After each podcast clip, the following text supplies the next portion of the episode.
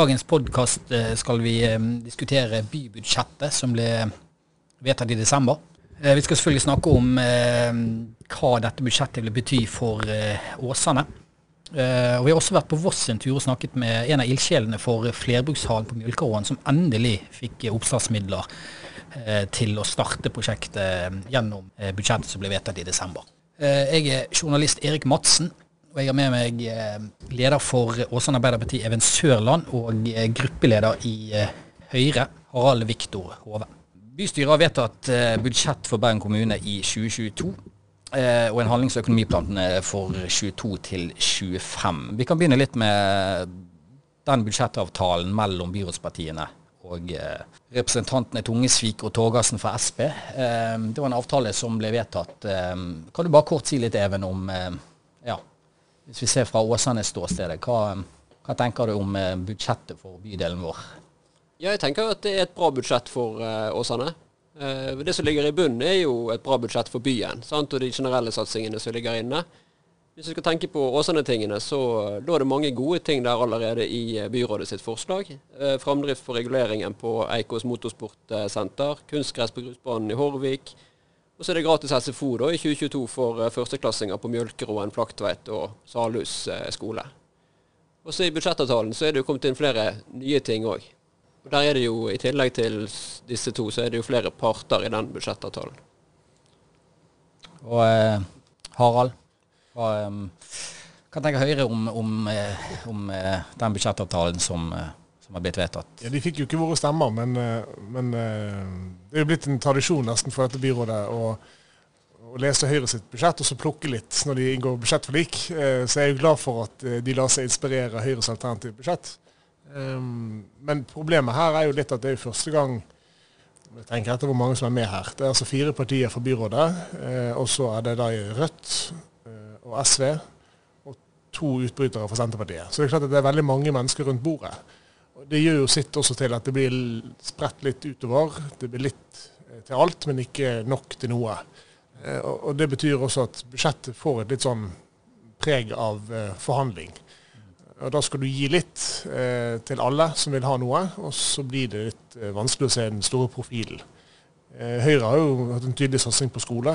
Fordi de vet at det er mange i skole- og barnehagesektoren som nå er slitne etter å ha stått på i en dugnad som som tar på. Eh, og det er jo pandemien først og fremst. Så vi har jo lagt inn 20 millioner kroner mer til at det skal bli flere ansatte som kan være med på å gjøre den dugnaden som fortsatt kommer til å være i 2022 for å håndtere pandemien. Holde skolene åpne, sørge for at ungene lærer mer. Det dukket opp noen kunnskapshull etter at pandemien har stengt skoler og redusert uh, muligheten for å ha fysisk undervisning. Mm. Og Det er vi bekymret for, og, og, der er det ikke en krone satt av til det i uh, budsjettavtalen. Mm. Så, så Åsane-skolen har ikke fått noe løft, uh, og det er vår største bekymring. For det er den langsiktige skadevirkningen av pandemien, som ikke er en helserelatert. Men det handler om hvilken utdanning våre unger får.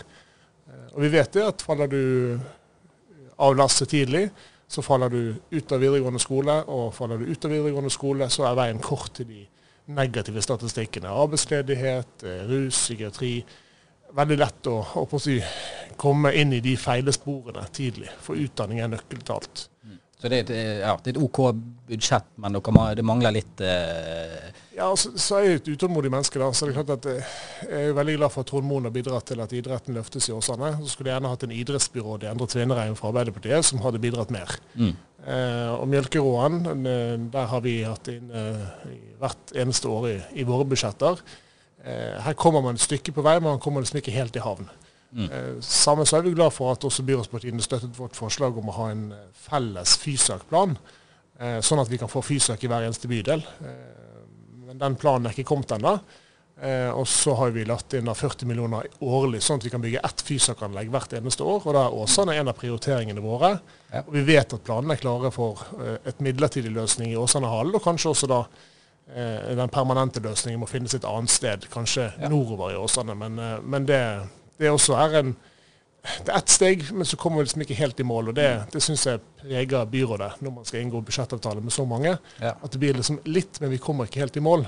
Så, så, så for Åsanes del så er det noen lyspunkt, men de er så langt fram at det, Jeg er ikke sikker på om det er 2022 man kommer til å glede seg til, eller om det er 2023 når Høyre overtar. Ok, ja, Vi kommer litt mer tilbake til, eh, kommer litt mer tilbake til de tingene der. Eh, bare for å, eh, Vi kan begynne litt med sånn som du var inne på nå nettopp. Eh, Flerbrukshall Mjølkeråen. Der er det en eh, gjeng som har jobbet i mange år for dette. Han har lagt inn i idrettsplanen ja, så tidlig som 2000. Um, nå begynner det å skje ting, eh, Even. Dette er jo noe som eh, det blir prioritert nå, i hvert fall med fire millioner oppstartsmidler. Kan du ja, si litt om eh, hvorfor denne flerbrukshallen eh, i Mjølkeråen er, er, er, så viktig? Den er jo kjempeviktig for uh, hele lokalmiljøet der ute. Sant? Det mm. handler jo om at skolen er, er, en stor skole med både barnetrinn og ungdomstrinn. De trenger uh, arealer for, uh, for, gym og for andre samlinger, sant? med scene og alt mulig. Det handler om nærmiljøet, at de skal ha et samlingspunkt. Det handler om egentlig å bygge miljø på, på toppe Mjølkeråen. Og Der har du gjort en fantastisk jobb, eh, Tove Lise Øie, FAU, idrettslaget, skolen sammen. Vi har hatt møte med de i Åsane Arbeiderparti eh, i fjor vinter. De har hatt møter, de har stilt opp på, på, høringer i bystyret. Så de har gjort alt riktig. Dette her er deres eh, arbeidsseier, egentlig, å få det videre inn. Så vi fikk det jo inn i, eh, i idrettsplanen i fjor vår. Eh, så nå er det jo da et steg videre at den har kommet i gang da med, med at det skal brukes fire millioner på prosjektering i 2022. Eh, det, det, så er det jo riktig at da er ikke vi ferdig med prosjektet. Eh, men vi må jo ta det steget før vi kan ta neste steg. Prosjekteringen vil jo vise hva det skal koste, og så kommer det finansieringsdiskusjonen videre. Ja, i hvert fall en god start. Så det er en veldig god start. Prosjektet ruller og går, og så må vi klare å følge opp. Eh, og, og eh, den jobben må vi som lokalpolitikere ta videre. Haster, haster det med denne? Jeg bare tenker på Mjølkeråen-området. Det er jo også et område som har eh, ofte kommet litt dårlig ut når det gjelder levekår. Eh, de kreftene der ute. har også slått litt alarm angående frafall i idretten og eh, en del kriminalitet der ute. Du òg kan svare, Harald. Hva, er det også viktig for Høyre å prioritere en sånn hall i dette området? Altså først må Jeg si jeg syns Even har gjort en veldig god jobb som leder av Åsane Arbeiderparti. Eh, for han har stått på også når han har talt byrådet midt imot, eh, så jeg tror ikke det er han som er proppen her. Eh, men, men det som er utfordringen, er at vi la jo inn disse oppstartsmidlene allerede i vårt første budsjett i denne perioden. Sånn at vi er to år inn i perioden. Så hadde vi da gått for Høyres budsjett første år i denne etter valget, så ville vi vært langt nærmere en realisering. Eh, men jeg er enig i det at først må man prosjektere, men den prosjekteringen er på en måte Høyre allerede ferdigere. med. så får vi heller håpe at dette nå får fortgang, og at vi får på plass et anlegg. For det, det store problemet er jo at eh, Åsane er en ubalansert bydel på mange måter. Fordi at man har sentrale deler av Åsane som man plasserer flere funksjoner i. Og så blir jo da spørsmålet hva skjer med alle de boligene som vi har planlagt og skal bygge nordover i Åsane. Eh, hva skjer i Eidsvåg, som nå blir overlatt til eh, kryss for biltrafikk fordi at man insisterer på byreparasjon i Sandviken. Så flytter man veien til eh, Eidsvåg, og da blir det ikke boliger. Eh, og det, det, er på en måte trist å se at Åsane på en måte snevres inn. Det er en stor bydel, et stort potensial for å utvide boliger. Men da må vi ikke gjøre samme feil som gjøre Ytrebygda, hvor vi ser at ungdomsutfordringene vokser fordi at man bygger boliger og kun det. Vi må ha infrastruktur som følger med. og Da er flerbrukshaller, da er fysakanlegg viktig å få på plass, sånn at unge mennesker som flytter inn, med unger, ungdommer, har muligheten til å også aktivisere seg selv eh, utover skoletid. Og Derfor la vi også inn 8 millioner kroner i vårt budsjett til en såkalt eh, satsing mot ungdomskriminalitet. Det høres veldig ille ut, for vi er ikke kommet dit hen. Men vi ser jo at politiet også sier at når det ikke er idrettslag som kan ta imot deg, eller det ikke er rom for uorganisert aktivitet, fritidsklubber, den type ting, når det ikke er på plass, så faller man fort inn i andre typer statistikker. Vi kommer, kommer litt tilbake til det òg. Eh, eh, men, men, sier du altså at hvis eh, hvis Høyre hadde hatt makten, hadde flerbrukshallen på Mjølkeråen vært nærmere enn den er i dag? Ja, det tror jeg budsjettet viser.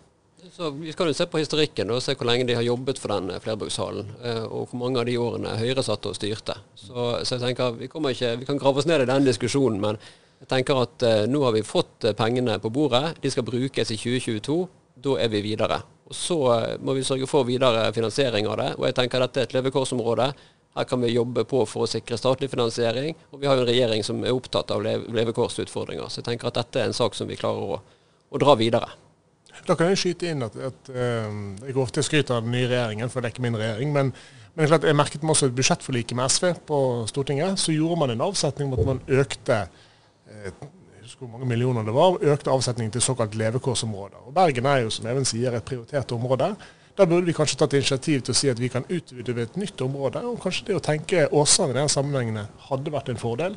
For da kunne vi fått på plass eh, flere av de tiltakene som i dag mangler, og som nærmiljøet har etterlyst. Og frykter at hvis man fortsetter å bygge boliger, men ikke bygger infrastruktur, og nå snakker vi om ungdomsklubber og fritidstilbud, så vil også da man se det igjen i feil statistikk, og politiet sier det samme. Det så, det kunne vært et initiativ som vi kunne løftet felles. da. Men er det, også, er det poeng også at eh, du også utvikler ikke bare sentrumsområdene av en bydel, at du også skaper noe i, i på en måte ytterkanten av bydelen, sånn som Åsane. at du Sånn som du flerbrukshallen Mjølkeråen, at du får noe da i et større boområde som er et stykke fra sentrum. Eh, hvor viktig er det?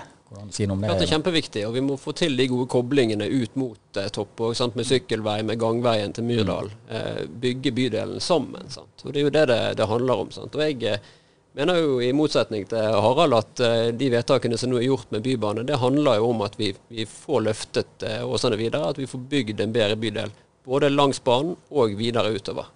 For det er klart Når ikke bussene skal stå i kø til byen, så kan vi bruke bussene som lokalbusser rundt omkring. Sørge for at bydelen henger bedre sammen. Og En av de som har jobbet lenge med å få på plass en flerbrukshall i Mjølkeråen, er Tove Elise Øie. Hun bor i dag på Voss, men har likevel ikke sluttet å engasjere seg i denne saken. Eh, Åsane Tidende og redaktør Thomas Gangstad har vært innom Tove Elise på Voss for å høre litt hvorfor hun syns denne hallen er så viktig for eh, Mjølkeråen. Ja, da er vi på Voss, og her bor du, eh, Tove Elise Øie. Eh, hva er det som gjør at du er så engasjert i eh, Mjølkeråen og flerbrukshall? Eh, det begynte med arbeidet i eh, FAU. Eh, der begynte jeg i 2004 og holdt det gående til 2015. Da fikk jeg høre at jeg skulle begynne å ta opp igjen arbeidet med flerbrukshall. Og det hadde jeg veldig lyst til å være med på. Men du har jo ikke barn der nå lenger? Nei, det yngstemann gikk ut fra Mjølkeråen i 2015. Men eh, jeg følte det, jeg hadde lært så mye i løpet av de eh, FAU-åra. Eh, og jeg følte jeg hadde en del å bidra med. Og derfor så tenkte jeg at det er veldig viktig at Mjølkeråen får en hall, for det første. Og når vi da var en gjeng som hadde lyst til å jobbe med dette her, så tenkte jeg at dette vil jeg være med på, for vi må prøve å få det til.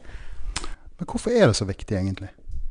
Uh, først og fremst uh, for skolen sin del, selvfølgelig. Uh, skolen må dobbeltbooke kroppsøvingssalen for å gjennomføre undervisninga. Dvs. Si at det er to klasser, fulle klasser som skal ha kroppsøving på samme tid. det går jo ikke. Så det er ei klasse som er kroppsøving eller gymsalen, og så er det ei klasse som da må være i bomberommet. Og det er jo en helt uholdbar situasjon. Um, 30 elever eh, i det lille rommet. Eh, på sist møte vi var hos politikerne, så sa jeg at jeg, jeg ga dem en utfordring. For jeg sa at nå kan dere lage en årsplan for eh, en full klasse i et bomberom. Og se om dere får det til. Det er utfordrende. Helse, miljø og sikkerhet? det også. Da har man fått, da er det satt av fire millioner kroner til å begynne å planlegge denne halen, i hvert fall. Det må jo være positivt? Ja, Vi er kjempefornøyd. Vi er veldig veldig glad for at det ble resultatet nå. Um, vi har som sagt jobba på Det var det som var målet. Der det er utarbeida en plan. Uh, mulighetsstudie, uh, veldig detaljert. Og målet var å først få prosjekteringsmidler. Uh, de fire millionene, da starta arbeidet. vi roper ikke helt hurra ennå. Vi vet at ting kan snu, men vi er veldig, veldig glad for at ja, det virker faktisk som det er de fleste partier her som har gått sammen eh, for å få dette her til. Og det er vi kjempeglade for. Vi har fått støtte for flere forskjellige. Eh, både de lokale og de som sitter inne i bystyret. Og det er eh, Ja, det, vi er bare veldig, veldig fornøyd, for nå kan arbeidet starte. Man har jo kjempet for dette i en årrekke. Hvor mange år fram i tid tror du, ser du for deg før den halen står ferdig? Eh, det er vanskelig å si. Men eh, jeg må jo si at jeg har store forventninger. Nå har vi fått eh, de midlene, eller i hvert fall det er satt av de midlene. Så eh, jeg håper da at prosjekteringa tar til nå i 2022. Eh, hvor lang tid en slik prosess tar, det, det, det, har jeg rett og slett ikke peiling på. Men si de kunne bli ferdig med det i år, og så begynne å bygge. Si vi er i 2024 skal vi være så vågale. Vi må jo sette oss et mål. Eh, om det går, jeg veit ikke. Vi kan ingenting om byggeprosessen. Vi har bare pusha på for å få ting i gang. Men at det blir noen turer eh, på deg til Åsane nærmeste fremtid, er det vel ingen tvil om? Nei da, det blir nok mange turer dit. Det er veldig spennende det som skjer nå. Eh, og jeg er veldig, ja, som sagt veldig glad. Og vi er faktisk veldig glad for at avisa også har satt på, til, ja, på sin plan for å ta opp når vi har hatt uh, milepæler underveis osv. Og, så og gjerne tatt kontakt med politikere for å høre hvordan det står er. Så her er det alle, ja, alle har bidratt og hjulpet til, og vi er kjempeglade for det. Hva tror du denne hallen betyr for nærmiljøet og idrettslagene ute i uh, den delen av Åsane?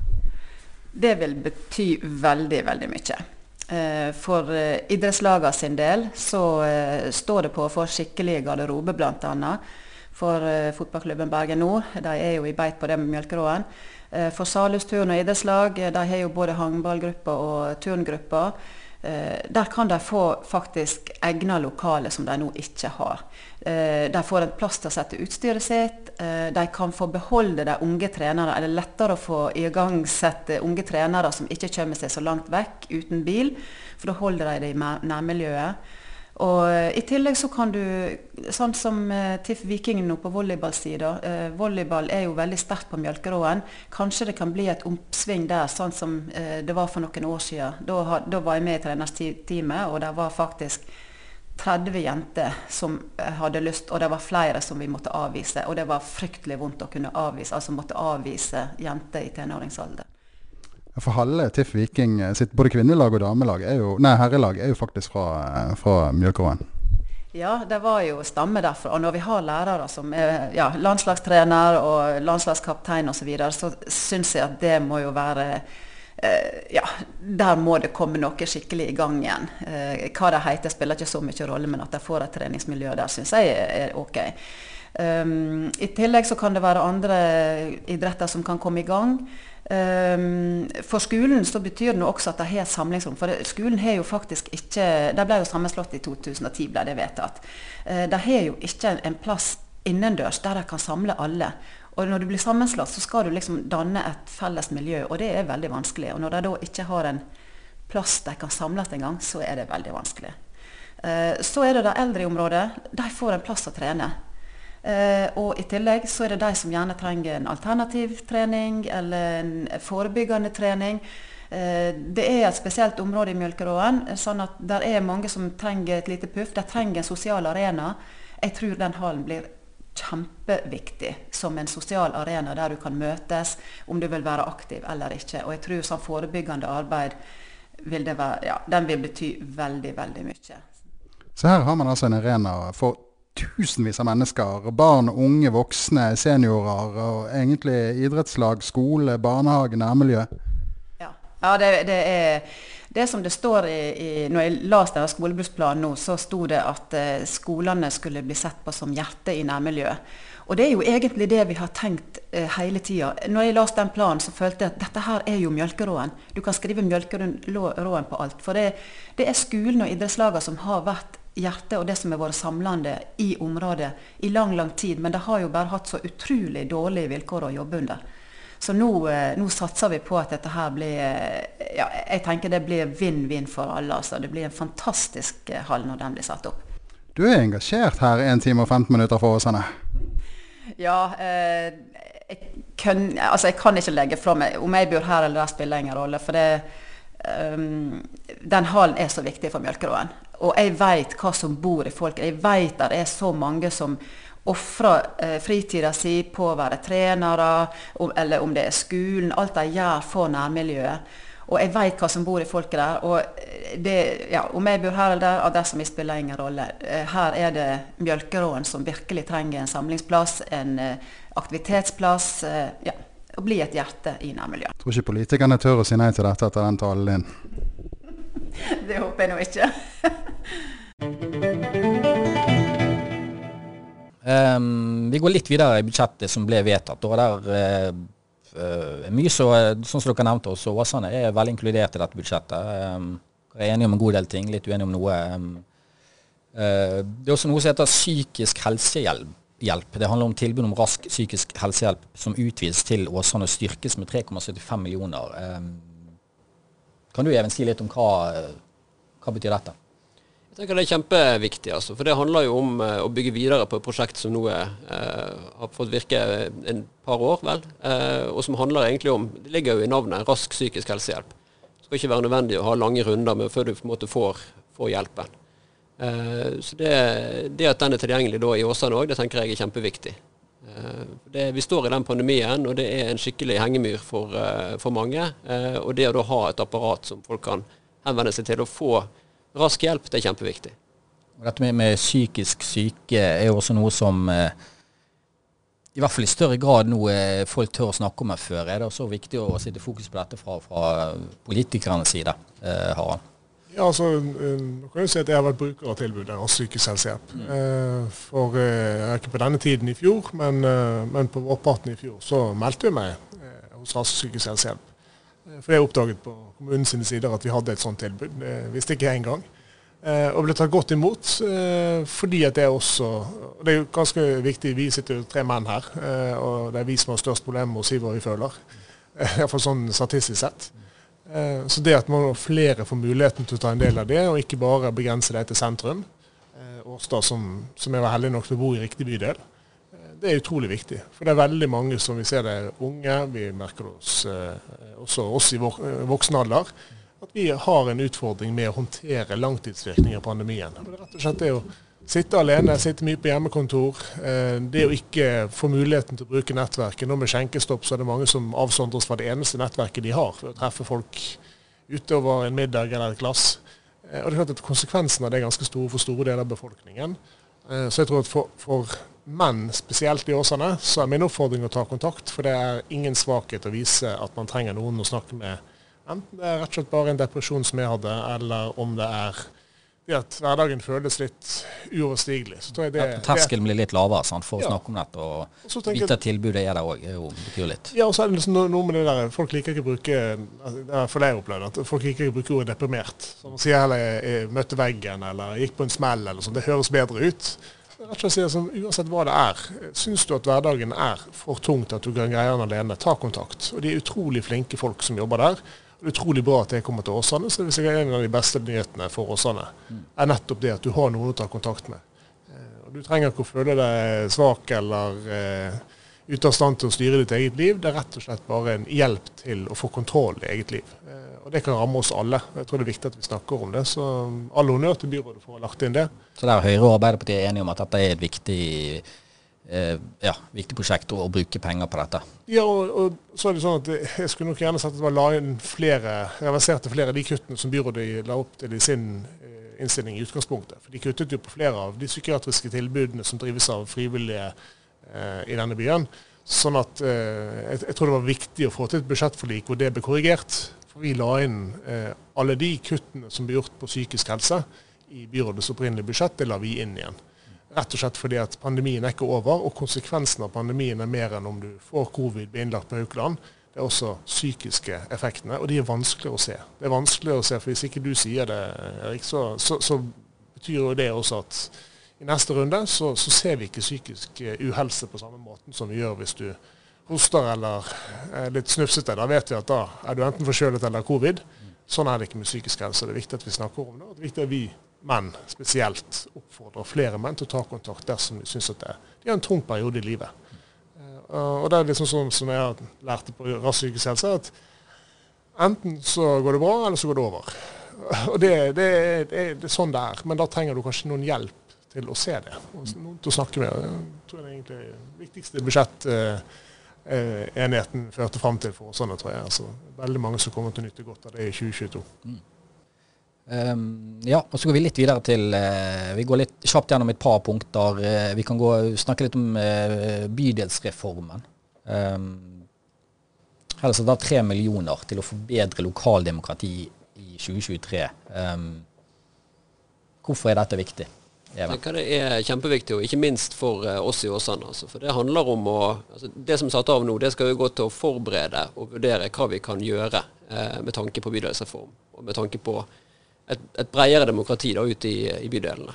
Og ikke minst når vi snakker om budsjett, så er det jo noe med å, å la folk i Åsane få en større eh, hånd med fordeling av midler. sant? Det, det, å kunne se bydelen som helhet, se ting i sammenheng, eh, og at folk i Åsane har et sted å gå der de faktisk møter politikerne og snakker med folk som skjønner hva det går i, da, det er kjempeviktig.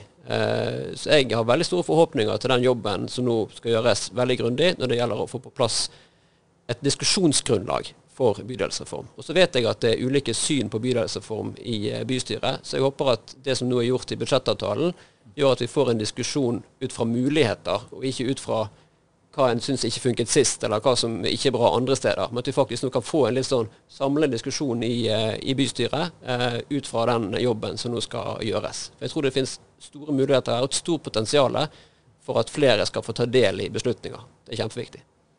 Hva tenker du Harald om, er dette en viktig sak for, for, for Høyre? Altså, Bydelsreformer er jo ofte det som Even sier, at da, da dukker man ofte opp i at vi har hatt bydelsstyrer før, og hva førte de til? Var det et supperåd? de bestemte navn på veistubber i, i, bydelene. Var det givende eller ikke? Eh, jeg skal prøve å glemme det også når denne diskusjonen kommer. Eh, fordi det er viktig at vi eh, gjør et stykke arbeid sånn at, de, sånn at vi ikke opplever det som kanskje veldig mange av oss opplever. At bystyrepolitikerne oppleves å være mer opptatt av Bergen sentrum og det som skjer der, enn bydelene. Og det er i bydelene folk bor. Det bor dessverre veldig få mennesker i Bergen sentrum. Det skal vi gjøre noe med. Men det er også noe med å adressere de problemstillingene som ligger i bydelene der folk bor. Og jeg tror Den avstanden der er det største problemet vårt i vårt lokaldemokrati. Eh, for vi er valgt for hele Bergen. Eh, vi har dyktige folk fra Åsane som, som sitter enten som faste eller som vararepresentanter. Even er en av de. Lise Ramsøy er en annen fra, fra vårt parti. Eh, og det er mange dyktige folk som er med og går på talerstolen, kjemper for Åsane, kjemper for innbyggerne uansett hvor du bor. Men hvis du sitter igjen med en følelse av at vi er glemt, og som Åsane ofte har omtalt seg selv som den glemte bydelen, mm. så får du voldsomt vind i seilene når FNB stilte opp til valget i 2019. Og Åsane var jo et sted hvor FNB gjorde det veldig bra. Mm. Hvorfor det? Det var jo ikke fordi bompengemotstanden var ekstra stor her, nødvendigvis. Det var også fordi frustrasjonen og tilliten til politikerne, at du blir lyttet til, at du er opptatt av Åsane, den var borte. Og Det er en klar eh, melding til både Høyre og Arbeiderpartiet om at der greide ikke vi å treffe Åsane i 2019. Og Da må vi ta denne diskusjonen og finne ut hvordan vi kan gjøre det bedre. Eh, men, men som jeg sier, det er så langt vi er enige, og så er jeg litt usikker på om et nytt politikernivå er svaret. Jeg tror det er viktigere at når eh, Roald Hegernes fra Åsane kulturråd sier at flott med nytt kulturhus, men nå sitter kulturkontoret og drifter et kulturhus, og da har ikke de tid til omtrent å å behandle søknaden om støtte til at amatørkulturen faktisk får den lille sjekken på 15 000 kroner for å drive kor- eller korpsundervisning. Eh, og det blir på en måte en utfordring som de adresserer, og så blir den ikke lyttet til. Så, så, så jeg tror vi må balansere det og si at et nytt folkevalgt organ er ikke nødvendigvis svaret, men det handler også om å ta innspillene. Og Der må alle vi bli flinkere. og jeg tror det at Even sitter eh, såpass tett på i bystyret, betyr veldig mye. At Lise Ramsøy for oss sitter i bystyret, det betyr veldig mye. For da får vi nettopp de innspillene. Og så er det vanskeligere for oss som bor i andre bydeler da, å si at helheten betyr så mye at vi glemmer det. Eh, så derfor la vi inn ekstra penger til at kulturkontoret i Åsane både kan drifte et flott kulturhus, men også kan levere det Amatørkulturrådet sier at man trenger i alle bydeler, og som Kulturrådet og sånne sa at de trengte. Mer penger til å behandle søknaden, til å være der for det lokale Eh, eh, kulturlivet. Eh, det å glemme det, det er det som min oppfordring til Even. Altså når mm. byrådet ikke hører på det, eller Mjølkeråen sier at vi har jobbet i årevis og det skjer ingenting, eller Åsane Arena reiser seg som takket være Trond Moen, ikke takket være idrettsbyråden, det, er da du får en følelse ute blant folk om at de ikke blir lyttet til. Og Det er et større problem for demokratiet enn at vi ikke har bydelsstyrer. Even, hva tenker du, altså Vil Åsane bli mer, sånn som Harald sier, jo, den glemte bydelen? og Det er jo på en måte noe som Eh, vi hører, Som lokalavis hører vi det hele tiden. Hva med Åsane? Hvorfor får Fana så mye mer? Hvor er sykkelveiene våre? Sant? Vil et, eh, altså En bydelsreform på sikt vil, vil, det gjøre at Åsabuen blir mer hørt? Altså vil det Hvor mye vil det hjelpe?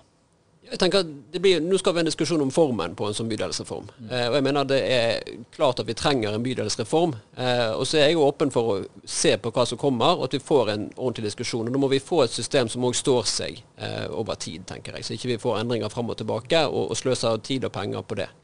Så det, Jeg eh, har to prioriteringer for en sånn eh, bydelsreform. Det ene er en eh, solid pott med penger til fordeling i bydelen, som gjør at det er enklere for eh, lag og organisasjoner å komme inn og, og, på en måte få gjort seg gjeldende, og at ting blir vurdert ut fra en bydelskontekst. Sant? At ikke det bare drukner i hva er idrettstiltak, hva er kulturtiltak. At ikke du klarer å se bydelen i sammenheng. Så Det er det ene. Og det andre er rett og slett eh, litt makt og myndighet i de sakene som går på utvikling av bydelen. Det er altfor ofte sånn at folk blir oppmerksom på byggeprosjektet når gravemaskinen står der. Uh, vi trenger, ta, trenger, faktisk av og til at det tar litt tid. At vi har de der rundene i lokalmiljøet. Ja, At menneskene blir litt mer involvert i prosessen fra, fra starten av, egentlig. Ja, og da handler det om uh, høringer og sånn. Og det handler også eventuelt om å gi noen fullmakter til å kunne si ja-nei på, altså, på underveis i prosjekter. så det, det, er en diskusjon som jeg ser veldig fram til. For Der gjør jo Åsane Tidene en jobb sant, med å få fram saker. Vi som sitter i, i bystyret vi ser jo sakene når de kommer opp, men eh, det går fort når de først kommer opp til bystyret. Eh, og da er det ikke alltid at lokalmiljøet klarer å koble seg på. Så det tror jeg er en helt sentral utfordring. Er det et godt poeng med, hvis du kan huske eh, Bybanen og traseen i Ervik, eh, som til slutt ble, ble, ble stoppet. Eh, der var jo disse beboerne i Ervik som egentlig snakket om at de fikk dette i trynet, og så plutselig skulle det bli, bli, bli vedtatt. sant? Kan du måtte la, la, menneskene som bor her bli, bli, en større del av prosessen på et tidligere stadie. Det, er det på en måte litt det som er lokaldemokratiet? At de kan involvere seg før det er for seint? Det er litt det du mener? Det er akkurat det jeg er på jakt etter. Og, og akkurat når det gjelder bybanetraseen til Åsane, så var jo den grundig behandlet i det daværende bydelsutvalget. Eh, så det var ikke noe særlig konflikt rundt den, eh, hvor den skulle gå utover eh, i Åsane. Så Det var jo òg et uh, viktig grunnlag for den uh, diskusjonen som vi, som vi, hadde i fjor, og som endte godt, mener jeg, for alle parter. Uh, at Der har vi hatt en prosess i Åsane. ting En har funnet, funnet, løsningene, og så er det noe med at da må det få lov å, å virke. Mm. Altså det, det, er klart at um, meningen var morsom, men Byverndebatten er et godt eksempel på at bystyrepolitikerne av og til blir litt ensporet. Sant? Fordi at jeg tenker også som Even at det var et positivt skifte man gjorde i Erviken. Sant? Eh, fordi at man lyttet til eh, innsigelser for de som hadde skoen på. Og Så forstår jeg diskusjonen om at da, ja, da koster det mer, eller det forsinker Bybanen som totalprosjekt. Altså, det er viktige elementer, men vi må ikke glemme at det er også viktig at de som skal bruke, leve med Bybanen, som skal være der for å blåse liv i større deler av bydelen, også skal føle seg hørt og lyttet til. Så jeg tror, jeg tror egentlig det nederlaget der for byrådet var egentlig et veldig positivt eh, bidrag til at man opplever at lokaldemokrati funker. Mm. Eh, og jeg vet at Even jobbet eh, hardt for en god løsning der, og Lise Ramsøy gjorde det samme. Så det viser det at uavhengig om du stemmer på Arbeiderpartiet eller Høyre, så er folk fra Åsane kanskje mer svaret på hvordan Åsane skal bli bedre hørt i, bystyret, enn et bystyre. Men, men, eh, men vi må ta diskusjonen og si hva er de viktige sakene, og hvordan får man de fram på et tidligere tidspunkt. Og En ting som vi har diskutert, er jo sånn store reguleringsplaner. Sant? Eh, vi er jo, sitter jo på et senterområde her. Eh, når bystyret får andregangsbehandlingen, eh, når alle høringsrunder har vært gjennomført, så blir det lite mulighet for bystyrepolitikerne til å endre på det uten at vi stopper hele prosessen. Sånn at når det har kommet så langt i prosessen, og bystyrepolitikerne inviteres til å gjøre endelig vedtak, så er det nesten litt sånn å hive sand på planen, for vi kan ikke gjøre noe annet. og det er min bekymring f.eks. eller Dokken. Der leser jeg Bergens Tidende støtt og stadig om hvordan det skal utvikles. Men jeg har ikke fått noe enda. Jeg vet ingenting som bystyrepolitiker og gruppeleder for Høyre om hvordan miksen skal være. Rimelige boliger eller næring eller kultur. Det er et enormt område. Det er en ny bydel. Og du har samme problemstilling i Åsane, Fana, andre steder, hvor store planer kommer så langt i prosessen at når bystyrepolitikerne inviteres til å si noe, så kan vi si ja eller nei. Ja. That's it. Og, og da får vi også en følelse av at bystyrepolitikerne ikke lytter, når vi reelt sett ikke kan lytte fordi at prosessen har kommet for langt. Så kunne vi snudd på det. da, Begynne i bystyret, og så eh, la prosessen gå derfra. Kanskje det har vært en annen måte å gjøre det på som har vært interessant. da. Eh, etter at Oslo har jobbet sånn på større by, bydelsutviklingsprosjekter, eh, hvor de har begynt med et såpass strategisk plankart som ikke har noe altså, juridisk verdi, men den angir hva vil vi ha inn i dette området. Sørenga i Oslo som nå utvikles, har på en måte bystyret ment om før du ender opp med reguleringsplanen. Det er et veldig interessant spor. og Der sitter jo Arbeiderpartiet og styrer. Så jeg tenker at det er ikke umulig å finne en uh, fellesløsning der Even, på å gjøre de store planene mer lett påvirkelig for folk uh, på et tidligere tidspunkt. Men, uh, men, da må vi diskutere system, og, og det hører jeg ut som Even er villig til. Og da syns jeg det lover godt for 2022. Veldig bra. Da ser jeg fram til den diskusjonen. Og jeg tenker også at Her har et bydelsutvalg òg en rolle eh, i det å kunne komme litt inn og gi de innspillene som treffer i en tidlig fase eh, i en sånn stør, stor eh, reguleringssak. Sånn at eh, Dette er kjempeviktige diskusjoner. og jeg tenker Generelt sett så Lokalpolitikk den betyr jo noe, sant? men den funker jo aller best når folk kommer gjennom med, med, med sakene sine. Så det er jo det å gjøre det litt enklere. Utvide demokratiet litt. Grann, gjøre, gjøre, veien kortere til å komme inn med, med sine saker. Ja, vi snakket jo om det i uh, budsjettsaken. sant, at Sakene som er inne, der er jo flere fornøyd med de, og det er mange som har jobbet hardt for de sakene i mange år. Og Det er jo det det handler om. sant, altså Politikerne vil jo vel. Eh, så det handler om å få fram de gode sakene, argumentere godt for de, og ha arenaer for det, eh, der folk når gjennom med, med, viktige ting. Ja, og det er jo ja, jeg tror jeg skrev noe sånt som en seier for lokaldemokratiet i en lederartikkel etter denne Ervik-traseen, og fikk litt kjeft for den. Det er helt greit. Eh, poenget er vel at eh, ja, altså du skal høre på fagetat, og du skal høre på de som kan dette, men du skal også høre på menneskene som, eh, som blir berørt av f.eks. Bybanen. Sant? Og det er vel litt oppsummeringen nå at du må finne en balanse. Ja, for når, folk altså når, befolkningen gir opp og tenker at det er ikke noe poeng å snakke med politikerne, da har vi tapt. Eh, da, for da er vi irrelevante. Eh, og det er da valgdeltakelsen faller, folk ikke vil stille på listene våre. Eh, og, og, og, den apatien og følelsen av at de ikke har noe å si om hva du stemmer. Eh, og det er det største problemet for politikere. At folk tror at det ikke betyr noe hva du stemmer. Eh, for det gjør det i aller høyeste grad. Eh, men vi må vi må greie å vise at det har en betydning. Vi må greie å vise at vi ikke alltid trenger å følge partiprogrammet, som ble vedtatt for fire år siden ved starten av perioden, men at vi også kan lytte til innspill underveis. Så er det forferdelig vanskelige vurderinger. Det må jeg bare si at jeg forstår, selv om vi har vært uenige i, bybanedebatten. Det er utrolig vanskelig å vite hvilken fot man skal stå på. Fordi at den ene konsekvensen av et valg er så stor potensielt. Eh, så tror jeg kanskje av og til man blåser opp den, de konsekvensene. Vi skal ikke gjøre det til en bybanedebatt. Men bare si at det, det, det, gjør det til en utrolig vanskelig sak å håndtere. da, Den type saker som dette her. Eh, og Man skal altså bygge en bybane eh, gjennom et middelaldersentrum inn i en ny bydel med 40 000 innbyggere. Altså, det, det, det, er en, det, er en, interessant prosess å gi seg i kast med. For det hadde vært enklere å ikke gjøre det. Men vi velger å gjøre det fordi det fremmer Bergen. Så jeg, så jeg tror sånn i ettertid så tror jeg vi vil være glad for at vi gjorde det. Men det er ikke sikkert at alle er like glad akkurat nå for at det blir gjort sånn som det gjøres. Men, men det er politikernes lodd, da. Eh, men det å lytte mer, tror jeg Jeg tror du har dine ord i behold når det gjelder lederartikkelen. Ja, da blir det ja, litt bybane likevel. Det, men det det hører med. Det kommer mer bybane i, utover året. Så det, eh, nå skal vi gå litt mer innom budsjettet. Eh, vi kan gå litt innom nærbarnehage, eller barnehage, prioriteringen av det. Det snakkes om eh, i det budsjettet som er vedtatt at det skal brukes 40 millioner til flere barnehager. Eh, og det er også et mål om at eh, barna skal få gå i barnehage i sin krets. At de skal ha kort vei til barnehage, gjerne gå til barnehage. Eh, kan du si litt mer om det, Even? Ja, det er jo satt av mener det er 40 millioner jeg, mm. til, til, strategisk kjøp da, egentlig av, av barnehager, barnehagetomter. Eh, og det, det, er jo ikke øremerket sånn sett på konkrete prosjekter, men det handler om å gi rom for å gjøre de vurderingene og få kjøpt opp eh, og planlagt for en barnehagestruktur som er bedre for folk. da. Og jeg tror at ikke minst i Åsane så er dette her en viktig pott.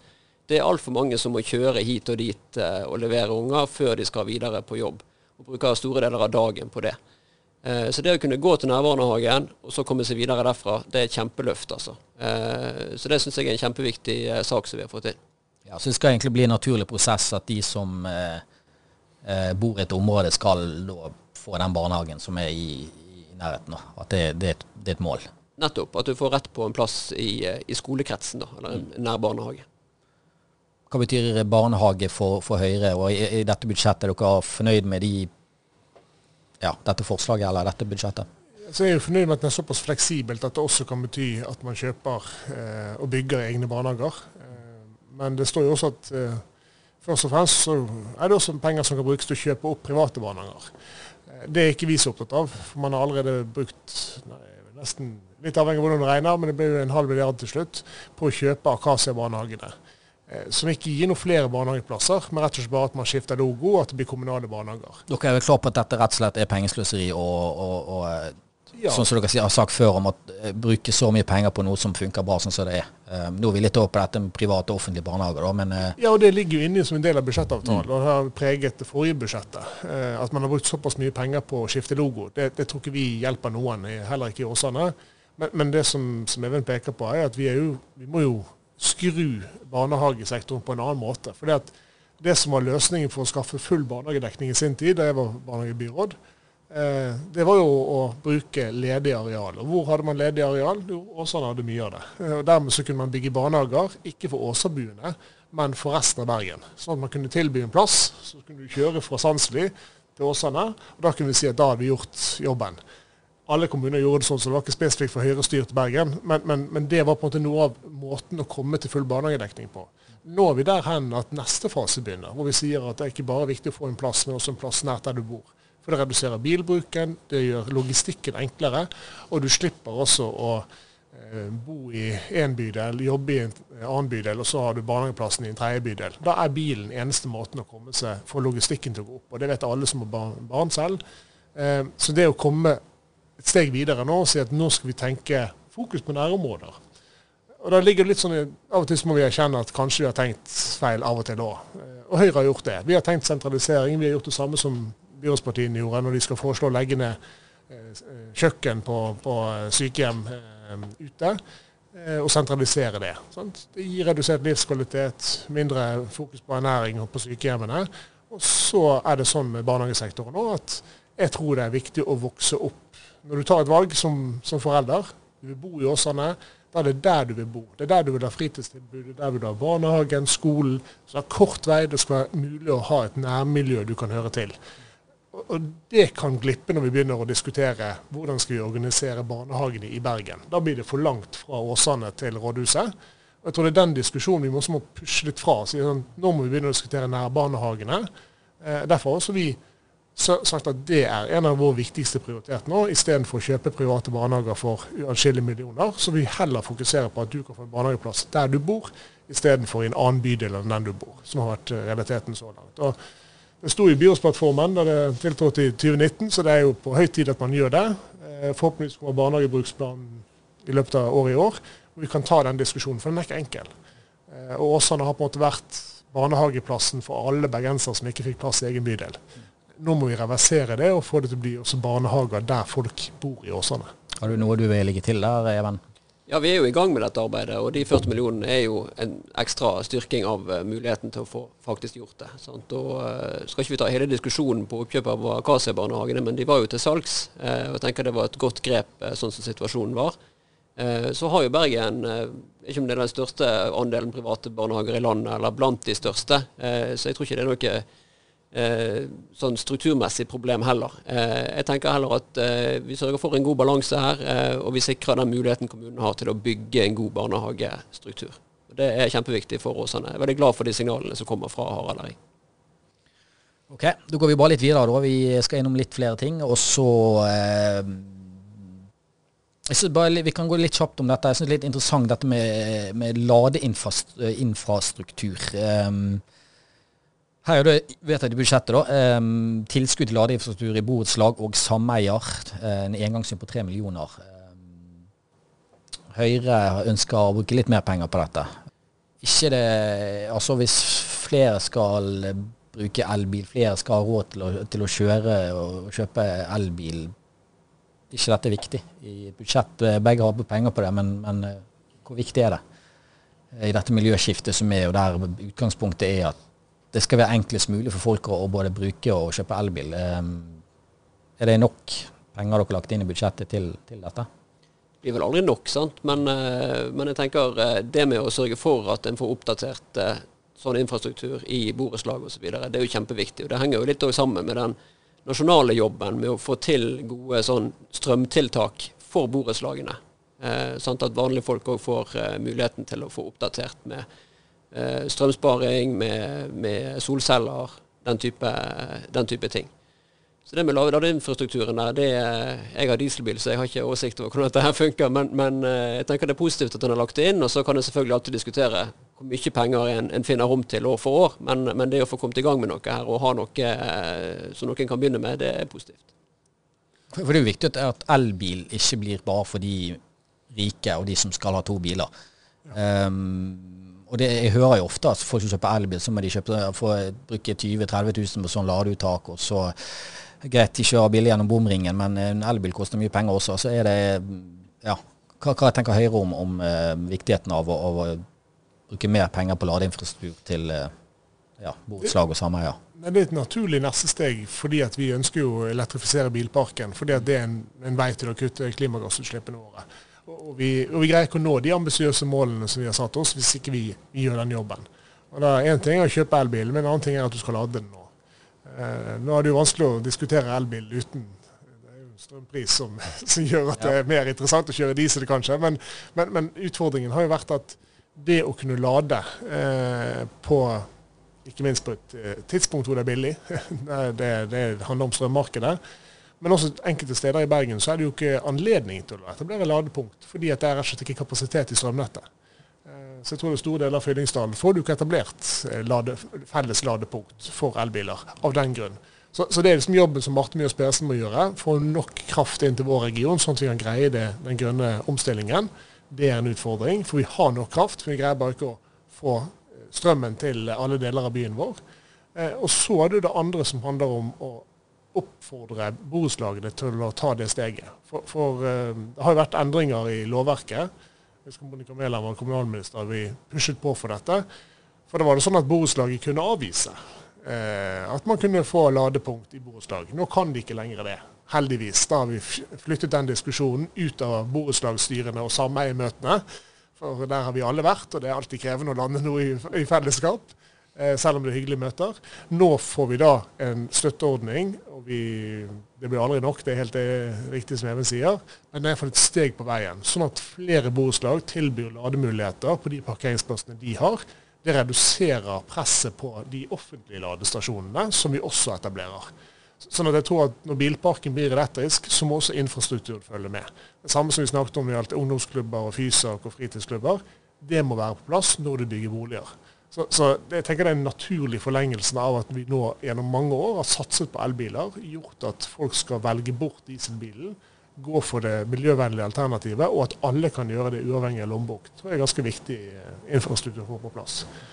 Og så er det over 40 000 som bor i denne bydelen, så det er klart at hvis alle skal kjøre elbil, så, så holder ikke tre millioner lenge, men vi må ta de stegene for å komme dit. Eh, jeg håper ja. at de borettslagene også benytter seg av ordningen. Det så får vi fylle på. Ja, det er vel også åpenbart at det, infrastrukturen også Du trenger flere ladestasjoner. Du trenger bedre, tilpasse bedre for de som kjører elbil, for at flere skal kjøre elbil. sant? Ehm, det er jo kommet en god del mye mer eh, ladestasjoner nå enn det har vært, men det bør vel også prioriteres videre og kanskje utvides enda mer. Eller? Ja, så tror jeg det er fornuftig det som Harald er inne på. Sant? At det handler om å hjelpe i gang borettslag. Og at noen da kan gå foran og vise litt vei. Eh, og så eh, blir det enklere for andre å følge etter eh, etter hvert. Og så er det alltid enklere hvis det er veldig mange som står i kø og skulle hatt penger, og så er tre millioner brukt opp før januar er ferdig det er et godt tegn til byrådet om at de må følge mer, mer penger på. Så, så, hvis folk sender søknader nå, borettslagene setter seg ned og skriver så blekket flyter, så, så, er det et tydelig signal til oss politikere om at denne ordningen er god, denne ordningen må vi fylle på penger på. Så, så det kan være et nyttårsforsett for alle borettslag. Søk på ordningen for å få mer penger på plass. Ok.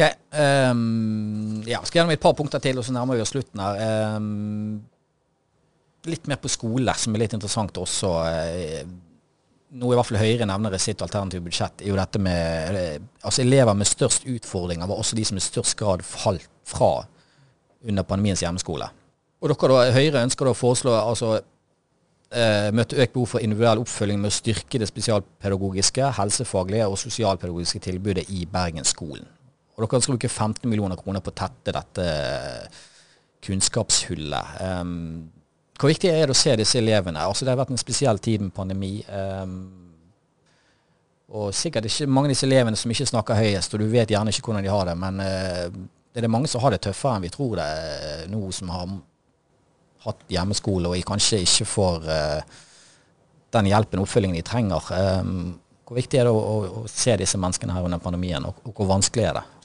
Det kan jo kanskje du si litt om først, Harald. Så tror Vi var inne på det når vi snakket om psykisk helse. Mm. Det er klart at Når hjemmeskolen begynte og skolene stengte ned, så ser vi også det i de feile statistikkene at det kom flere bekymringsmeldinger. Det kom eh, mer meldinger om at eh, barn hadde det tøft hjemme. De tok selv kontakt. For det er noen chattetjenester og sånn som barn selv kan ta kontakt med, med hjelpeapparatet. Det er et tydelig pekepinn på at eh, det er krevende situasjoner eh, å være hjemme eh, under pandemien over lengre tid. Det er det psykiske elementet av det.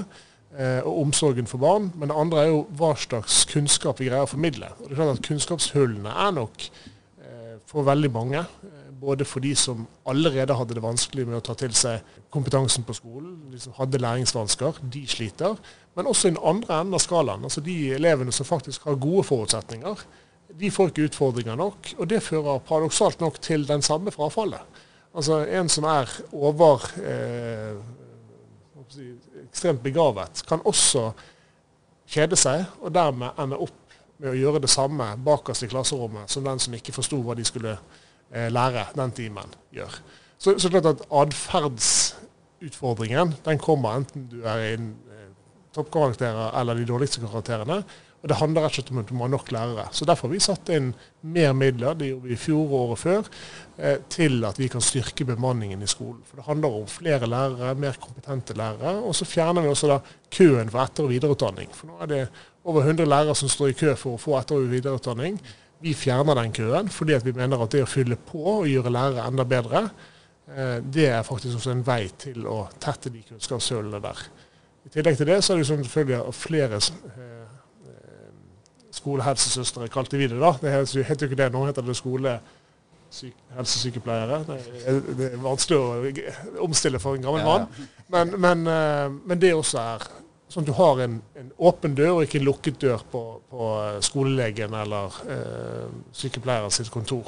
Hvis du sliter også eh, underveis i skoleløpet. Da det er elevene vi, elevenes psykiske helse det handler om.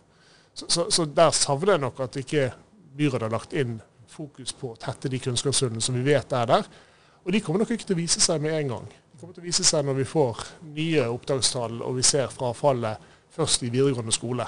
Og Da pleier de ofte å skrike på at nå er det fylkeskommunen som gjør noe, men egentlig skjedde frafallet allerede på ungdomsskolen i Bergensskolen. Det, det, det, handler egentlig om å avdekke dette tidlig.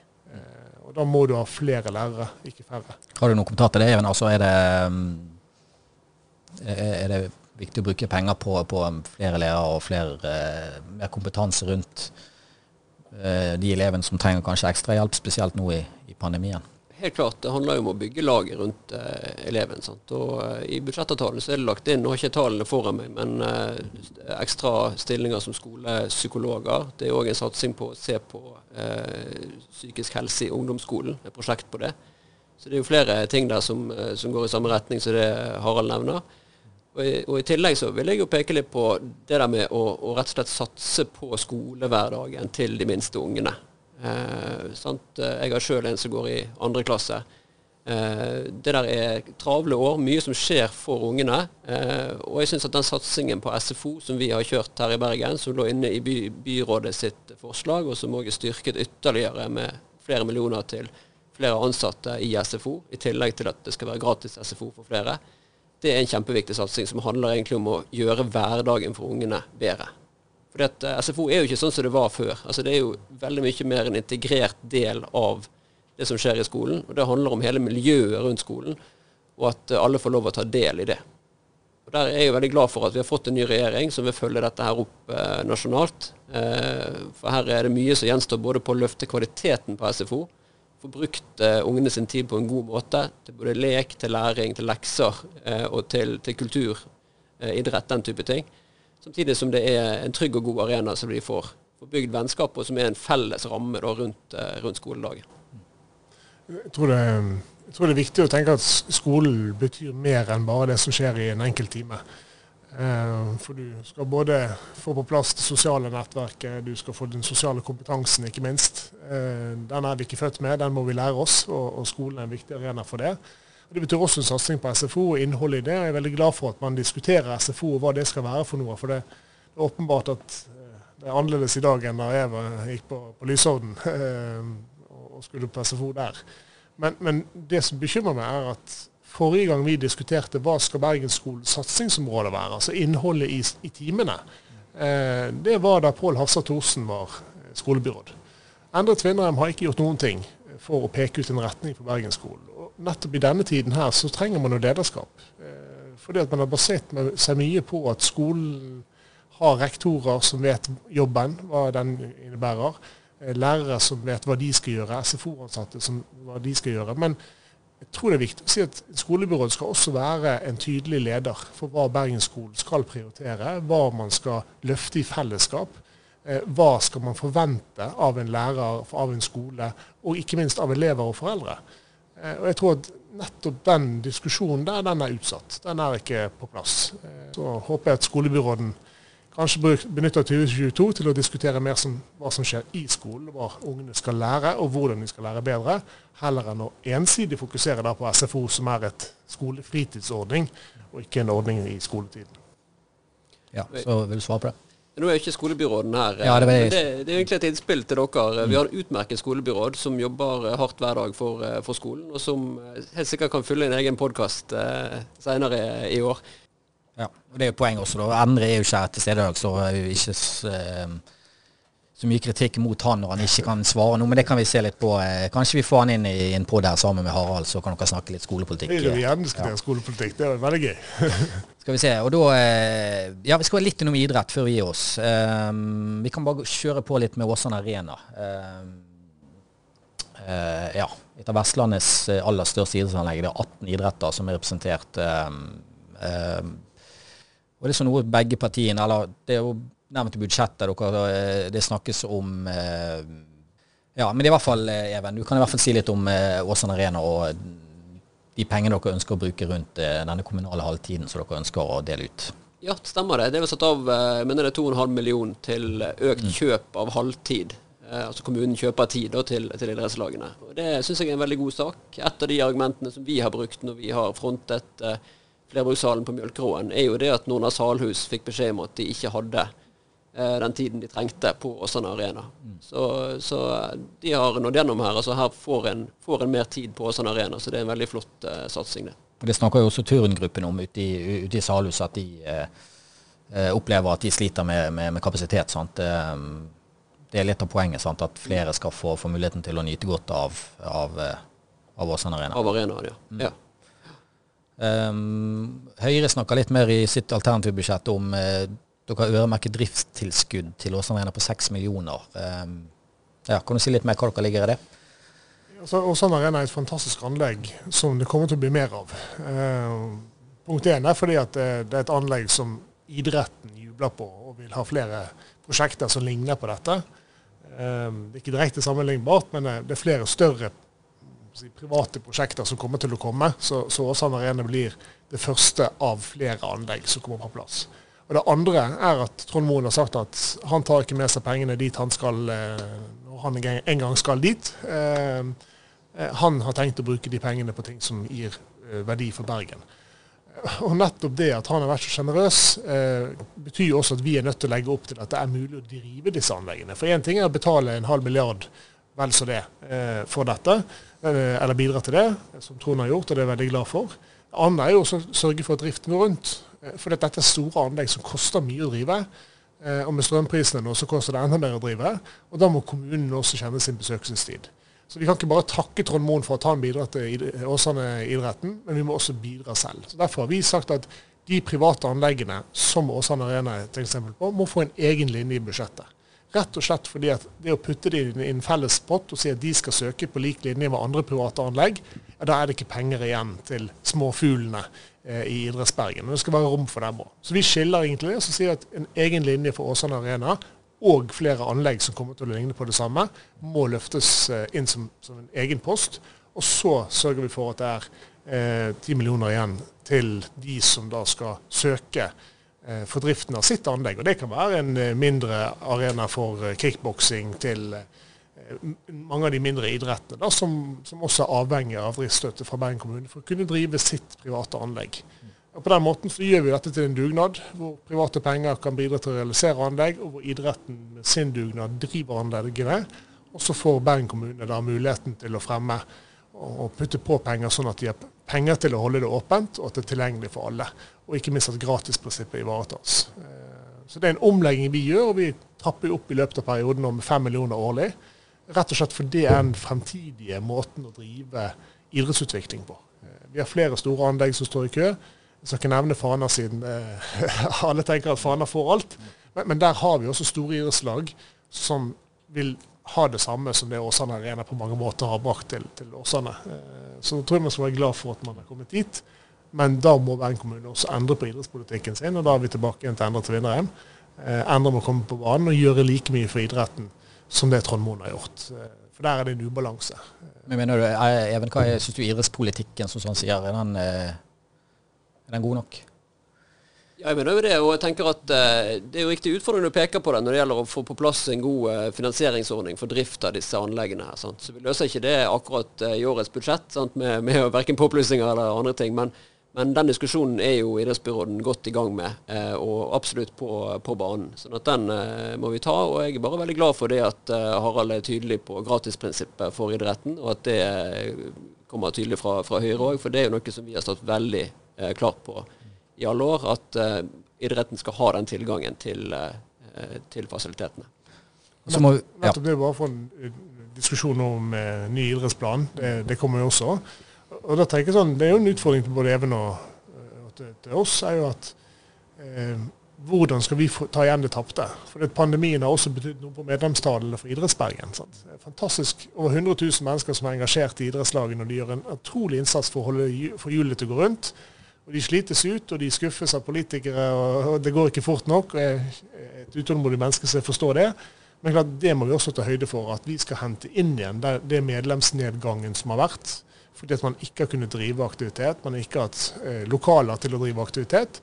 Eh, og, og, rett og slett idretts, eh, den frivillige engasjementet, som vi vet er stort, du blir sliten etter hvert. altså Når du skal stenge ned og, stenge, og starte opp igjen eh, annenhver måned fordi at pandemien også krever sitt. Så, så, så, hvordan vi skal på en måte tenne lys igjen i, i, alle idrettslagene, få de frivillige til å stille opp, få medlemstallet til å gå opp, og få arenaene og lokalene til å være tilstrekkelig, sånn at ikke man må avvise eh, idrettslag eller gutter og jenter som har lyst til å drive med, med, idrett, enten det er turn eller fotball eller hva det måtte være for noe.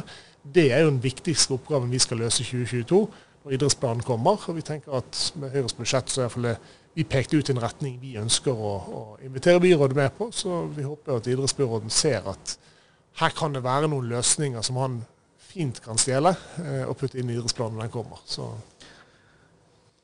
Eh, OK. Da avslutter vi litt med, med Fysak, um, som jeg vet begge to uh, ønsker. Even, du har jo uh, selv om ikke dette er nevnt i, i budsjettet, da, så jo, har jo Even vært veldig klar tidligere på at uh, Fysak trengs i, i Åsane. Uh, du har pekt på Åsane-halen som et, uh, som en midlertidig løsning. Um, kan du først bare si litt om hvor viktig det er å få altså det er jo, Vi er enige med politikere, vi ønsker jo Fysak i alle bydeler, det, det er jo klart. Men, men, hvor viktig er det å få Fysak på plass i Åsane, og haster det? Jeg syns uh, at det haster. Uh, jeg syns den viktigste illustrasjonen på det egentlig var den uh, saken i forrige Åsane Tidende, med hun tiåringen som reiste hele veien inn til Slettebakken for å få brukt Fysak. Det er klart det haster, og jeg er opptatt av at vi skal ha det på plass, ja. Men vi skal òg ha det på plass sånn at de som er ungdommer i dag, får sjansen til å bruke det. Jeg har rett og slett litt travelt på vegne av ungdom i Åsane. Det har skjedd litt for lite i Åsane fra jeg var ungdom.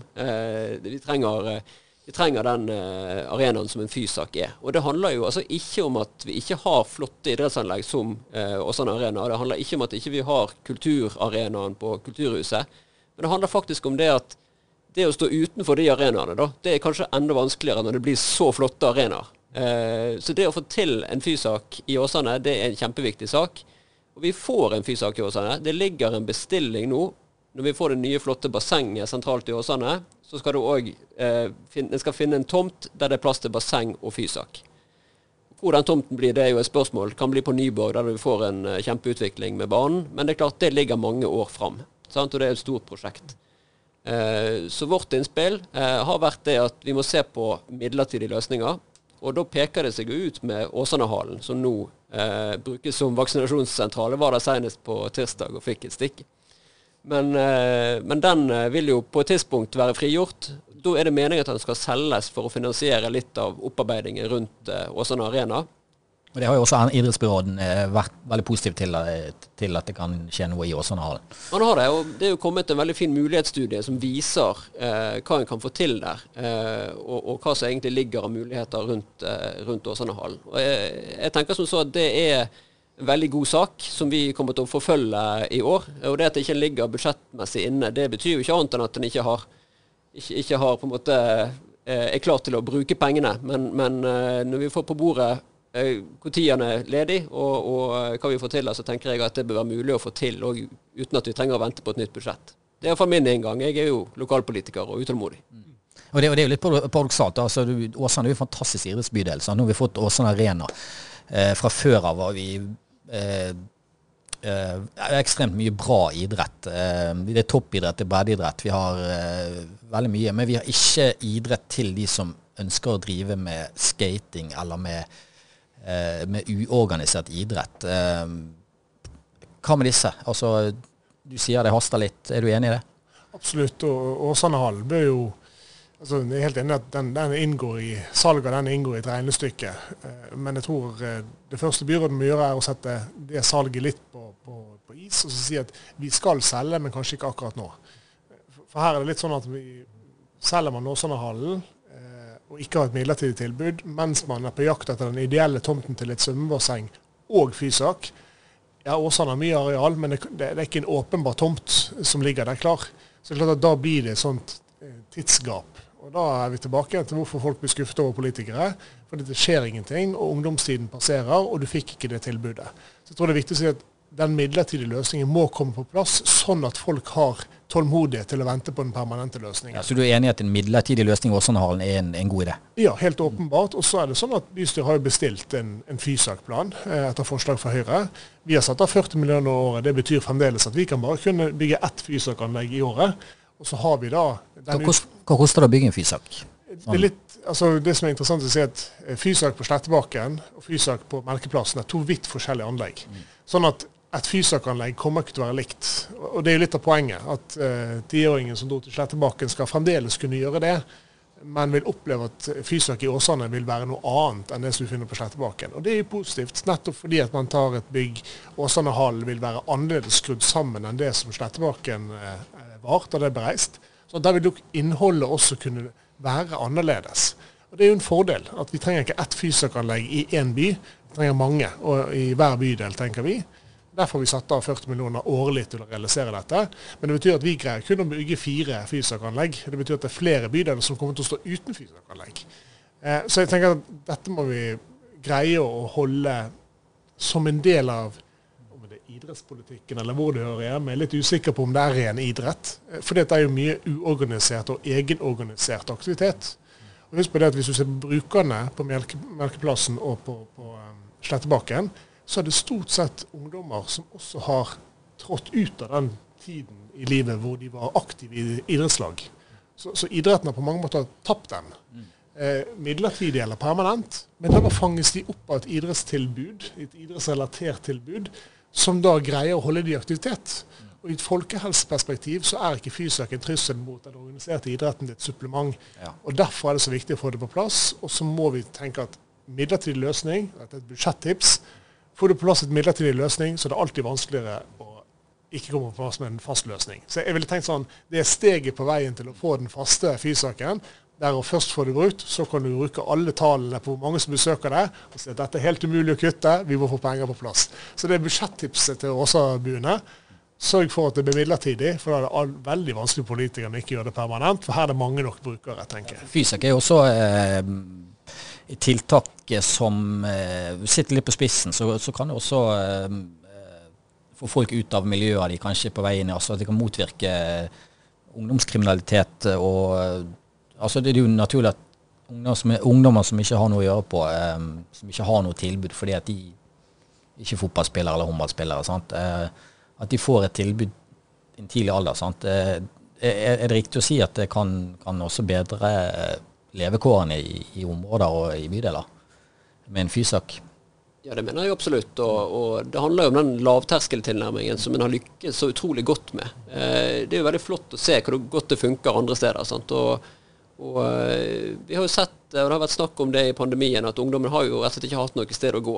Har vært, eh, alt har vært stengt. Sant? Og det, det, er en situasjon som, som ikke er god. Altså. Vi trenger å få på plass gode ting for, eh, for ungdommene våre. Og Det har vi sett i Åsane også. Vi har også snakket med politiet, som også bekreftet at uh, ungdomskriminaliteten har i løpet av pandemien gått litt opp, uh, spesielt på Flaktveit og, og, og Mjølkeråen. Uh, og Da er det naturlig å tenke kanskje at idrett er noe som kan, kan ja, hjelpe i en sånn situasjon? Ja, og det hele tatt det også å ha noe å tilby ungdommene. Sant? Og, og så, la, la de få et sted som de kan gjøre litt til sitt eget òg. Og det er det jeg opplever at Fysak gjør. Eh, at eh, det går an å bestemme seg eh, at en har lyst den dagen å stikke innom. Og så kan en etter hvert komme inn i strukturerte opplegg. Og, altså, det er fleksibelt og greit, og det er noe som ungdommen òg etterspør. Det med en sånn type møteplass. Så bør liksom tenke at, at vi, må, vi, må, senke terskelen for hva som er grunnlaget for en aktivitet. Det er ikke alle som skal, skal, spille på Chelsea som jeg heier på. Men, men, men, det er klart at det å ha en mulighet til å være del av et fotballmiljø i det organiserte idretten fram til du er 13. Og det er ofte da man enten bestemmer seg for at drømmen er mulig eller ikke mulig. Eh, for min del var den aldri mulig, så jeg har, jeg har ikke hatt den erfaringen. Eh, men også da sørge for at da kan du tre ut av den organiserte idretten, men da bli fanget opp av et annet tilbygg som fysisk vil være. Og Hvis vi da supplerer det med at vi også satte av eh, en søkbar pott i vårt budsjett, hvor vi sa at har du en ønske om å etablere en aktivitet, en ungdomsklubb eller fritidsklubb, som kan være et bordtennisbord og noen voksne som tar litt ansvar, og ungdom som er med på å arrangere det, ja, så kan det være også et sted å oppsøke, skape aktivitet. Så, så kombinasjonen av alle de tiltakene der, det er det som skaper gode oppvekstmiljø. Og Der må vi nok komme litt bort ifra denne her, enten må det være et fysak til 40 millioner, eller så er det ingenting. Altså En midlertidig løsning i Åsanehallen er en god steg på veien til et permanent fysakanlegg. Og så er min bekymring, da, bare for å ta den, det er såpass mange innbyggere i denne bydelen, og den er såpass spredt og sammensatt at om ett fysiker er nok i Åsane, det vil jo være en spennende, spennende utvikling å følge med. fordi at Årstad, hvor Slettebakken eh, og Fysak der ligger, er mye mer kompakt, mm. tettere bygd. Åsane er en langt større bydel med flere mennesker. Der kan det godt være at det er andre løsninger som tvinger seg fram. Så det blir spennende å se når planen kommer fra byråden, hvordan han vurderer det. Eh, jeg er ikke sikker på om det holder med ett i hver bydel, men det er å begynne der. Eh, og nå har Årstad og Fyllingsdalen fått, fått, sitt, eller Laksevåg Fyllingsdalen. Eh, nå er det Åsane og ikke minst Loddefjord sin tur til å få på plass et tilbud som, som, gjør at man kan demme opp for det politiet ja, for Du kommer jo litt tilbake igjen til denne her Nå, tar jeg bompenger inn i dette, men jeg tenker liksom hvis Fysaken kommer her De som bor i Åsane nord, sant? Altså, de får jo plutselig bompenger begge veier for å for, altså de, de, liksom, de, de, får på en måte ingen av idretten eller noe i sitt nærmiljø. Eh, og Da er du inne på dette med at det kan komme flere fysaker. Er det urealistisk å snakke om nå? Nå har ikke vi fysak i det hele tatt. Men, men, men, hva tenker du om eh, det eh, Harald sier om at vi kanskje kan få kanskje to små fysaker, eller kanskje en ungdomsklubb eller noe? Er det, eh, kan det være en idé også å, å jobbe med, med flere tilbud også ut i bydelen? Ja, absolutt. sant. Og så er det jo det at det er, det er et mangfold av tilbud. sant. Eh, nevnte kunstgressbanen i Horvik, mm. Eh, motorsportsenteret. Eh, så det skjer jo ting i, i, hele bydelen. Og så er det det å få det til å funke som en helhet på en god måte. Så jeg er veldig glad for at vi har støtte fra Harald jeg, på, på midlertidig fysak i, i Åsanehallen. Og så er det litt ting som skal komme på plass. Og jeg tenker at da er det egentlig bare det å få sikret seg hallen. Og så utstyret kan en jo bruke videre i en permanent uh, sak. sånn at det mener at vi, vi kommer langt eh, altså, ja, Du trenger ikke 40 millioner for, å få den på plass. Det, det, går på rett og slett eh, eh at vi, om vi klarer å få det til, rett og slett. Om det går i hop. Og så helt til slutt nå, Du nevner Motorsportsenteret. Det er noe vi har skrevet veldig mye om. Vi hadde Bakkerud i studio nå eh, sist uke. Som snakker om oppveksten sin der ute, og hva Motorsportsenteret på Eikås har betydd for han. Um, fortsatt har ikke kommunen klart å lande en avtale med grunneier. Eh, for å sikre fremtiden til eh, motorsportsenter. Hvorfor har ikke dere klart, eller hvorfor har ikke kommunen klart det? Er det noen som kan svare på det? Nei, Det er nok en grunn til å invitere byråden hit, Endre mm. Tvinderheim. Eh, for det, er noe med at det er første steget. Eh, og Even nevnte jo også det at det er første steg man tar i flere deler av budsjettavtalen her. Jeg tenker sånn, Det er en forutsetning for å sikre at flere kan ha den oppveksten, få den eksponeringen for et miljø som altså Du blir ikke god i motorsport med mindre du faktisk har en berøring med det. Eh, og Derfor viser det hvor viktig det er å holde på plass den type fagmiljøer, frivillig sektor, som er engasjert. Så hvis ikke man får på plass en avtale med grunneier, ja, så er det det første steget på at det forvitrer. Og da taper vi ikke bare talenter som Vakerum, men vi taper også de som får opplevelsen av at åh, oh, der fant jeg noe hvor jeg hørte hjemme. Ja, Vi er en del av et annet miljø, et miljø som de, som de vil være en del av. Sant? Ja, og Jeg skal ikke si noe vondt om fotball, men fotball er jo ikke for alle. Sant? Så, det er klart at Hvis det er det eneste tilbudet du har, så betyr også det at det er mange som faller fra, som ikke er like gode på, på fotballbanen, men så viser det seg at de var utrolig gode i garasjen. sant? Mm og det der å finne ut hvor er det interessen din ligger, hvor er det ferdighetene dine ligger, hvor er det du finner tilhørighet og et fellesskap, det er en utrolig viktig del av det å vokse opp. Så, så det Andreas setter ord på, det er jo en ekstra påminnelse om at eh, Even må snakke med byråden sin, få på plass en avtale, og så blir det et god, godt år for, eh, for, også for motorsport. Hva vil du si Even om eh, motorsportsenteret? Det er jo det eneste slag omtrent i hele ikke i hele Vestland, men det er ikke mange ungdommer som, som, driver med den aktiviteten som, som, Altså, de er ikke mange steder å være. Nei, og jeg eh, oppfatter jo at det er en prosess nå på, på å avklare eh, det som går på leieavtale osv. Jeg tenker det er jo et veldig positivt signal fra byrådet, som i sitt opprinnelige forslag la inn eh, penger til reguleringsarbeid på motorsportsenteret på, på Eikås. Så det er klart at det er en vilje her til å få, få dette til å funke. Så, så jeg ser òg lys på det for, eh, for 2022. Da gir vi oss. Tusen takk for at dere eh, stilte. Hvis ikke noe mer er tilføye til slutt, har du noe mer, Even? Jeg syns du har lyst til å si noe. Jeg har lyst til å si akkurat det. Vi snakket, han sa litt innledningsvis rundt det som går på å forhandle. sant? Å gi og ta, og noen må gi og noen må ta, og det blir ikke eh, Og ingen blir helt fornøyd. Men, men, jeg har lyst til å snu litt på det. sant? For, for eh, en virkelig god forhandling, det handler jo om å klare å få til noe bedre og få til noe sammen som alle kan være litt stolt av. Og Det, det syns jeg faktisk de har klart i år, eh, de som har sittet og forhandlet. Eh, veldig fornøyd med, med, det som der har kommet, eh, og, og eh, jeg syns at vi har fått et veldig godt budsjett. Jeg har vært altfor snill i denne diskusjonen med Even også, for jeg syns han også gjør en utrolig viktig rolle for, for Åsane. Eh, og selv om ikke du får stemmen min, Even, så kan du alltid få en slenger. Altså, fordi at det er viktig å anerkjenne at noen står på, noen tar til motmæle Erviken sant? og er uenig med eget parti, og det er vanskelig. Men det å stå på for bydelen sin, for lokalmiljøet sitt, det er utrolig viktig å premiere, uansett hvilket parti du stiller for. Så jeg syns egentlig at Even er eh, den som fortjener applausen her. Fordi at, eh, fordi at han har satt Åsane på kartet, og det merkes i bystyret. Eh, så jeg er veldig glad for at han og Lise koker godt sammen fra, fra oss òg, da. Fordi vi trenger at flere fra Åsane stiller til valg nå er det nominasjon, iallfall for begynner Høyre med, med nominasjonskomité i 2022. Vi tar gjerne imot innspill. Hvis noen brenner inne med et engasjement de ikke har funnet et annet sted de får utløp for, så tror jeg de må melde seg til tjeneste. Jeg tror det samme gjelder for, for Åsane Arbeiderparti Arbeiderpartiet òg. Vi trenger flere for Åsane som har lyst til å stille til valg i 2023. Så jeg vil egentlig bare avslutte med den og si at vi forhandler oss fram til et godt resultat. Eh, det er jeg helt enig i at ja, det kan vi gjøre på tvers av partigrenser. Men det viktigste er at vi har dyktige folk som kjenner lokalmiljøene, som er villige til å stå opp og så si når de er uenige med, med partiene sine, og stå på for, for eh, innbyggerne. Så Hvis det kan være en viktig påminnelse i 2022. For Da er det nominasjon, så det er nå du må melde deg. Så det er bare å ta kontakt. Strålende. Da, eh, nei, da sier vi takk til dere, og så har vi eh, mye mer å snakke om senere. Vi skal, må snakke om parkering med Åsane Arena, og vi må snakke om det er så mye. Så vi får invitere dere tilbake med senere anledning. Men Takk for at dere stilte begge to. Takk. Åsane Tidende har i ettertid av eh, dette intervjuet vært i kontakt med um, idrettsbyråd Endre Tvinnereim. Han ønsker ikke å uh, komme med noen ytterligere kommentar eller uh, tilsvar til uh, kritikken fra Harald Viktor Hove i denne saken. Tusen takk for at du hørte på oss, og takk til Harald Viktor Hove, Even Sørland og Tove Lise Øie fra Voss. Eh, vi er tilbake igjen eh, neste uke. Mitt navn er Thomas Gangstø.